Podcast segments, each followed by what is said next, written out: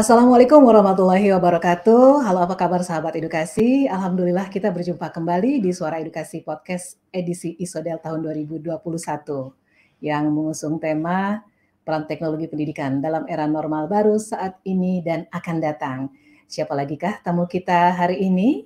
Ya, kami sudah membuat janji dengan seorang narasumber yang juga sekaligus seorang panelis ya yang akan menyampaikan juga nih apa yang dibawa dalam isodel kali ini dalam papernya.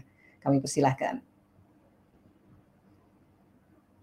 Ya, sahabat edukasi, ini dia tamu kita. Assalamualaikum warahmatullahi wabarakatuh. Dr. Abna Hidayati SPD MPD, Ketua Jurusan Teknologi Pembelajaran Universitas Negeri Padang ya. Apa kabar Dr. Abna? Alhamdulillah sehat. Assalamualaikum warahmatullahi wabarakatuh. Waalaikumsalam. Terima kasih meluangkan waktu untuk podcast Suara Edukasi kali ini ya, Dr. Abna. Boleh menyapa ya. sahabat edukasi atau menyapa mahasiswanya? Silakan. Oke, uh, assalamualaikum warahmatullahi wabarakatuh. Selamat sore, sahabat edukasi seluruh Indonesia. Saya dengan Ibu Apna, Ketua Jurusan Kurikulum dan Teknologi Pendidikan di Fakultas Ilmu Pendidikan Universitas Negeri Padang. Iya. Terima Mbak. Iya, kami senang sekali menerima Ibu di sini supaya kita bisa ngobrol ya Bu ya, kurang lebih 15 menit ke depan untuk membahas paper yang Ibu angkat dalam ajang Isodel kali ini. Judulnya Design Online Learning Activities for Elementary School Students Using an mm-hmm. Authentic uh-huh. Approach and Real World Activities. Wah, panjang ya Bu ya judulnya ya. Ini uh-huh. sangat menarik sekali Bu. Kami jadi ingin iya. tahu terkait judul paper tersebut, itu seperti apa Bu proses penemuan masalahnya dan masalah apa saja sih Bu yang muncul di lapangan sehingga Ibu menulis judul tersebut? Oke, uh, terima kasih.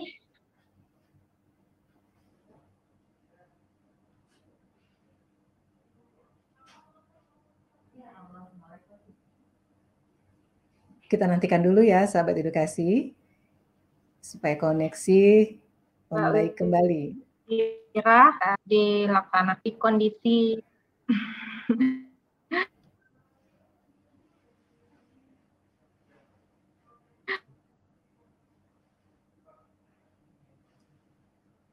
Bagaimana Bu Abna? Ini agak terputus. Kondisi pandemi, koneksinya. Ya. Iya benar. Jadi dalam uh, kondisi pandemi itu aktivitas pembelajaran agak sedikit bermasalah gitu ya karena uh, para uh, fenomena yang ada itu para guru itu uh, dan siswa itu cenderung kurang berinteraksi kebanyakan dari proses pembelajaran itu kemarin hanya berlangsung melalui WA WA grup gitu ya uh, dan itu pun uh, kebanyakan uh, para siswa itu hanya menerima uh, rincian tugas, materi gitu ya yang sifatnya hanya di, dikopikan oleh guru dan itu kemudian dikirimkan melalui WA group dan itu uh, di di ini kan di, dikerjakan oleh siswa di rumah. Kebanyakan seperti itu. Sehingga kendalanya tentu siswa uh, merasa jenuh ya. dan itu terjadi pada anak saya sendiri gitu ya. Uh, di kelas 3 SD dan itu kebanyakan tugas dan akhirnya menjadi bosan maka uh, terfikirlah ada ada beberapa tulisan yang saya baca gitu ya. Nah sebenarnya dalam konteks pembelajaran di otentik itu ya desain pembelajaran otentik itu bisa juga diaplikasikan dalam pembelajaran online. Jadi tidak hanya dalam pembelajaran dalam konteks uh, lingkungan nyata ya kebanyakan kita memahami aktivitas otentik itu hanya sekedar percobaan di uh, lingkungan yang uh, kelas ya, kelas yang memang ada di kelas, ada di lab, tapi ternyata kalau kita desain itu bisa dengan menggunakan uh, secara online. Jadi kita prinsipnya di sini kita mencoba untuk membangun desain pembelajaran itu dengan merancang aktivitas-aktivitas pembelajaran yang memang dapat dilakukan siswa di rumah. Jadi artinya aktivitas pembelajaran itu nanti bisa dibantu oleh orang tua. Kita carikan nanti dia tetap melakukan uh, real activity-nya, tetapi aktivitas itu dilakukan di rumah. Jadi eksperimen-eksperimen itu dirancang secara sederhana. Jadi uh, sebagai contoh, misalnya ada aktivitas tentang gaya gravitasi gitu ya. Jadi gaya gravitasi itu uji cobanya menjatuhkan batu ke ke bawah gitu ya. Jadi Nah, itu dari dari situ jadi kita memadukan ada dua di situ kita juga desain multimedia interaktifnya sebagai pemandu dan juga ada aktivitasnya. Nah, aktivitas itu kita share melalui uh, grup WA itu. Jadi tidak hanya sekedar tugas, tapi kita juga lengkapi dengan multimedianya sehingga anak bisa nonton juga. Jadi bisa lebih ini lagi ya ketimbang hanya melalui tugas-tugas yang ada barangkali begitu dari dasarnya sehingga memang pembelajaran online yang terjadi ini khususnya di siswa sekolah dasar itu cenderung menjenuhkan bagi anak yeah. makanya perlu dipikirkan aktivitas yang membuat mereka lebih tertantang meskipun berada di rumah. Gitu ibu. Betul harus dibedakan polanya ya bu ya dengan jenjang menengah ke atas ya bu ya. Karena anak SD itu masih aktif ya bu ya. Tapi uh, sekilas kami membaca dari tulisan Ibu, sepertinya ada hal menarik ya Bu ya dari temuan Ibu yang kami garis bawahi soal perbedaan desain pembelajaran daring iya. berbasis aktivitas nyata sehari-hari dengan pembelajaran nyata yang sebenarnya gitu. Ini boleh dijelaskan lebih lanjut perbedaannya di mana Bu? Jadi desain yang uh, sudah dibuat dengan realitasnya gitu. Jadi dalam uh, uh, iya. Jadi dalam tetap kita menggunakan uh, aktivitas real ya. Jadi tetap aktivitas real tetapi dalam konteks dia didesain dalam uh, pembelajaran online. Jadi aktivitas anak itu tetap nyata, Ibu. Jadi cuman aktivitas-aktivitas itu kita kita uh, desain atau kita sampaikan dalam konteks pembelajaran online ya. Uh, kalau saya sih memadukan ya, memadukan sebenarnya antara pembelajaran online dan uh, pembelajaran offline-nya atau blended. Jadi uh, anak itu misalnya setelah melakukan aktivitas, kemudian ada aktivitas lanjutan berupa presentasi. Ya, presentasi itulah yang yang kita uh, gunakan di dalam jaringan itu. Jadi ketika dia telah selesai melakukan aktivitas uji coba di rumah masing-masing gitu ya. Nah, itu kita uh, kita minta ada satu anak itu misalnya satu atau dua anak untuk merekam mempresentasikan itu apa yang dilakukannya jadi sesuai dengan uh, kertas kerja yang kita berikan. Nah kemudian anak itu bisa bercerita. Dia bisa bercerita dia direkaman kemudian rekaman itulah yang dikirim ke grup WA jadi itu secara tidak langsung juga meningkatkan uh, motivasi bagi si anak itu sendiri dan juga uh, teman-temannya gitu ya. Jadi misalnya si A itu cerita bagaimana cara gaya gravitasi. Oh, misalnya saya menjatuhkan batu misalnya. Nah, yang lain itu cerita lagi saya coba jatuhkan dari lantai dua. Jadi hal-hal seperti itu kan real ya. Nah, cuman uh, yang secara online-nya itu adalah ketika pada tahap uh, akhirnya itu dia melakukan presentasi ya itu kita lakukan dengan rekaman. Sehingga hmm. ada banyak nilai-nilai yang aktivitasnya yang bisa meningkat. Nah, salah satunya itu adalah anak uh, ya dapat uh, berpresentasi, ya anak dapat menilai temannya juga, gitu ya. Jadi dapat memberikan masukan juga terhadap penampilan dari temannya. Jadi gitu. Jadi uh, real activitiesnya itu dari tetap dia lakukan, tetapi dalam lingkup rumah. Jadi kita pilihkan yang paling bisa dilakukan di rumah ya. Misalnya kalau di SD itu kan dia tematik ya. Jadi tematiknya itu kan dia menyatukan berbagai macam mata pelajaran itu. Jadi kita pilihkan yang yang memang bisa dia lakukan di di rumah masing-masing itu dibantu oleh orang tuanya. Jadi uh, kakaknya gak, juga gak yang sulit. Hmm. Uh, jadi kalau uh, sebenarnya saya desainnya mau pakai Zoom waktu itu, cuman memang karena keterbatasan ya akhirnya kita gunakan saja tetap melalui WA ya tapi anak itu merekam kemudian rekaman itu disampaikan ke WA. Nah, jadi uh, di situ Bu. Jadi sekali seminggu itu anak bisa menilai temannya dan itu di, dikumpulkan ke sekolah. Misalnya nilai penampilan si A berapa gitu. Eh, atau misalnya pendapatnya tentang penampilan si A berapa. Nah, itu itu juga me meningkatkan aktivitas si anak. Jadi seperti itu. Oh, jadi dilibatkan ya Bu ya, teman-temannya juga boleh ikut memberikan penilaian gitu ya. teman-teman. Nah, jadi teman-temannya itu karena pe penilaian antar teman itu memang uh, ya agak apa ya kalau dari teori kan memang kalau teman sebaya yang menilai itu bisa membuat anak itu jadi lebih bersemangat juga gitu. Mereka juga saling uh, bisa juga meinikan ya uh, nil apa temannya itu gitu. Jadi saling memotivasi lah ya saling oh, memotivasi ya. Teman-temannya. Jadi seperti itu, itu. juga pendekatan yang cukup realistis ya bu ya untuk memacu iya. motivasi anak ya dinilai oleh temannya sebaya. Iya, iya baik. Nah jadi melalui paper ini sebenarnya apa saja bu pokok-pokok pikiran yang ingin ibu sampaikan khususnya ke guru-guru ya? Oh iya. Jadi uh, sebenarnya itu kalau uh, jadi sebenarnya dalam desain pembelajaran otentik itu ya sebenarnya dalam konteksnya kan uh, memang aktivitasnya itu yang secara uh, menyeluruh melibatkan semua aktivitas indera dari si peserta didik. Nah jadi uh, real world itu aktivitas yang real ya yang bisa di, dilakukan oleh si anak. Jadi sebenarnya kalau guru-guru itu uh, bisa lebih jeli ya. Sebenarnya selain berpedoman kepada buku guru dan buku siswa itu sesuai dengan uh, kompetensi inti dan kompetensi dasar yang ingin dicapai itu sebenarnya ada banyak uh, aktivitas yang mereka bisa pikirkan gitu ya. Jadi uh, ya mungkin satu ketika ada percobaan-percobaan tertentu barangkali ya khususnya dalam pembelajaran IPA maupun bahasa misalnya wawancara nih kalau pelajaran bahasa Indonesia ya di satu tema itu. Nah itu kan sebenarnya topiknya itu kan adalah wawancara.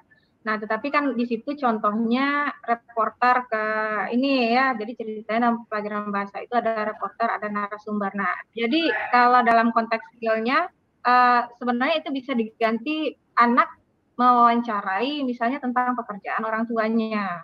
Nah jadi seperti itu. Jadi uh, di sini saya memberikan saran sebenarnya kepada guru-guru. Jadi uh, itu bisa di, disiasati gitu ya. Jadi artinya anak pun merasa cenderung dia tetap dapat melakukan aktivitas itu, tetapi lebih dekat dengan lingkungannya. Nah, tapi kalau misalnya kita pakai istilah dari reporter ke narasumber, itu kan bisa bisa sih sebenarnya, tetapi kan dalam konteks tujuan pembelajarannya ya uh, anak dapat eh, Berjarak ya, melakukan aktivitas wawancara. Nah, itu kan juga hmm. bisa dia dia menggali ide-ide dengan mewawancarai orang tuanya, misalnya iya, ada tentang pekerjaan orang tuanya gitu ya. Jadi itu kan tetap aktivitas uh, real yang bisa dia dia lakukan ya. Jadi saya memang menekankan dengan semua aktivitas-aktivitas uh, yang dapat dimodifikasi anak ketika dia berada di rumah. Jadi kebanyakan selama pandemi itu kan memang dia tidak keluar ya. Jadi kita juga memilihkan uh, aktivitas-aktivitas itu. Nah, kalau seandainya dia tidak bisa, uh, kita bisa kirimkan video-video atau kemarin itu saya coba rancangkan untuk satu tema ada multimedia interaktif untuk membantu si uh, anak untuk belajar. Nah, multimedia ini dia bisa di diinstal di HP. Nah, anak bisa menonton uh, multimedia interaktif itu bisa mengerjakan juga soal-soalnya di situ. Atau memang kalau guru agak kesulitan untuk membuat multimedia interaktif, sebenarnya bisa memilihkan video-video yang cocok yang bisa ditonton anak di rumah. Jadi uh, atau misalnya ide yang lain ya guru sendiri melakukan aktivitas percobaan itu ada di rumah. Jadi jadi mana dia menekankan konsep-konsep uh, otentik itu ya dari aktivitas-aktivitas yang berada dekat di lingkungan si anak. Jadi itu yang kita coba uh, bangkitkan gitu ya. Itu yang kita coba berikan desain-desain uh, itu kepada guru. Nah di produk ya. ini sebenarnya kita juga melengkapinya dengan satu uh, dua contoh ya, tapi memang masih terbatas hanya pada uh, sat, uh, dua tema gitu, eh dua dua pembelajaran aja sih sebenarnya yang baru kita coba untuk uh, menginikannya memberikannya kepada si guru-guru untuk contohnya. Iya. Nah, jadi, gitu. jadi kondisi ini membuat semua anggota keluarga tuh secara langsung akhirnya bisa terlibat ya Bu ya yang sebelumnya tidak terpikirkan gitu uh, bisa menjadi objek iya. belajar itu sendiri ya dan itu sangat terjangkau uh, dan menjadi pengalaman baru hmm. ya Bu ya iya betul itu iya. bernilai otentik yang ini tentu ya. saja hmm, karena selama ini kan memang ada sedikit kecenderungan ya. Dalam pembelajaran apalagi orang tua memang tidak terlalu apa ya agak menekankan apa ya tidak terlalu mungkin ada yang karena kesibukan barangkali ya. Cuman sekarang memang mau tidak mau memang harus uh, terlibat membantu anak. Jadi saya pikir memang ada hikmahnya juga sih pandemi Betul. ini mungkin bonding antara orang tua dan anak itu bisa ini ya meskipun aktivitas itu akhirnya dilakukan barangkali di malam hari gitu ya karena kan orang tuanya juga bekerja gitu ya. Tapi ya kita usahakan mungkin uh, beberapa aktivitas itu tidak tidak terlalu rumit lah ya tidak butuh mem memakan waktu sehingga memang uh, ya istilahnya anak itu bisa bereksplorasi lebih dalam lagi ya dan sesuai dengan uh, kompetensi yang ingin dia capai dan orang tuanya itu juga bisa membantu gitu ya dan, dan anak kalau yang konteks yang dekat dengan dia itu dia lebih bisa lebih banyak dia bisa ber, bercerita ya dari ya, presentasi ya, betul. dari yang presentasi yang ada yang mereka ya. dapatkan itu mereka agak ini juga sih untuk bercerita karena mereka yang melakukan sendiri dengan lingkungan yang lebih dekat dengan dia seperti itu. Iya. Ya, itu hal yang inspiratif. Bu, ini di akhir dialog hari ini yang cukup hmm. singkat memang iya. durasinya. Kami mohon Ibu uh, memberikan kesimpulan sekaligus closing statement ya Bu ya sebagai penguatan pesan yang mau disampaikan hmm. kepada guru-guru nih yang mendengarkan podcast kita kali ini. Sekaligus iya. nanti ya Bu ya uh, anggota panel di diskusi besok. Silakan. Iya, baik. Uh, jadi dalam konteks uh, desain real dan otentik ini memang kita berupaya untuk melibatkan uh, ya seluruh aktivitas anak itu melibatkan seluruh uh, indranya gitu ya. Jadi sehingga ketika dia semuanya bisa diaktifkan dalam proses pembelajaran, nah tentu sesuai dengan teori EDAL itu maka penyerapan informasinya akan semakin uh, meningkat gitu ya ketimbang ketimbang dia barangkali hanya menggunakan satu indera misalnya indera telinga dengan mendengarkan penjelasan dari guru gitu ya. Uh, itu bisa diinikan dengan aktivitas uh, otentik ini.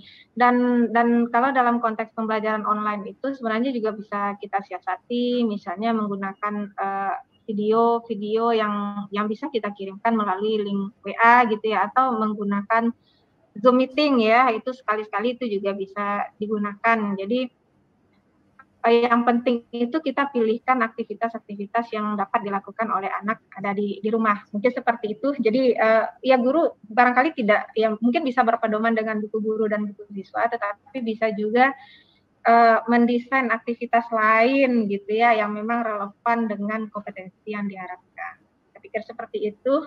Terima kasih. Ini sudah diberikan kesempatan untuk berbagi di yang podcastnya. Suara edukasi, iya betul. Kami yang lebih berterima kasih Ibu mau meluangkan waktu ya, iya. walaupun masih di tengah-tengah nah, ini iya. perjalanan simposium iya. untuk ah, tiga hari ini. Baik, dengan demikian uh, kami mohon pamit Terima kasih kepada Dr. Abna Hidayati, SPD, MPD, Ketua Jurusan Universitas Negeri Padang. Ya, sekali lagi selamat bersimposium Ibu, semoga sukses. Sampai jumpa di lain kesempatan. Amin. Iya. Baik, dengan demikian uh, kami juga tuntaskan untuk podcast kali ini, sahabat edukasi. Sampai jumpa, Bu Adna. Iya, sampai jumpa Ibu. Assalamualaikum warahmatullahi wabarakatuh. Baik sahabat edukasi, bagi yang ingin mengikuti ajang Isodel masih ada kesempatan ya, jadi bisa melakukan registrasi. Jangan lupa ikuti petunjuknya, bisa langsung masuk ke laman Isodel. Jadi nanti bisa langsung terdaftar dan mengikuti secara aktif ya. Dari kami yang bertugas bersama tim teknis mohon diri. Assalamualaikum warahmatullahi wabarakatuh.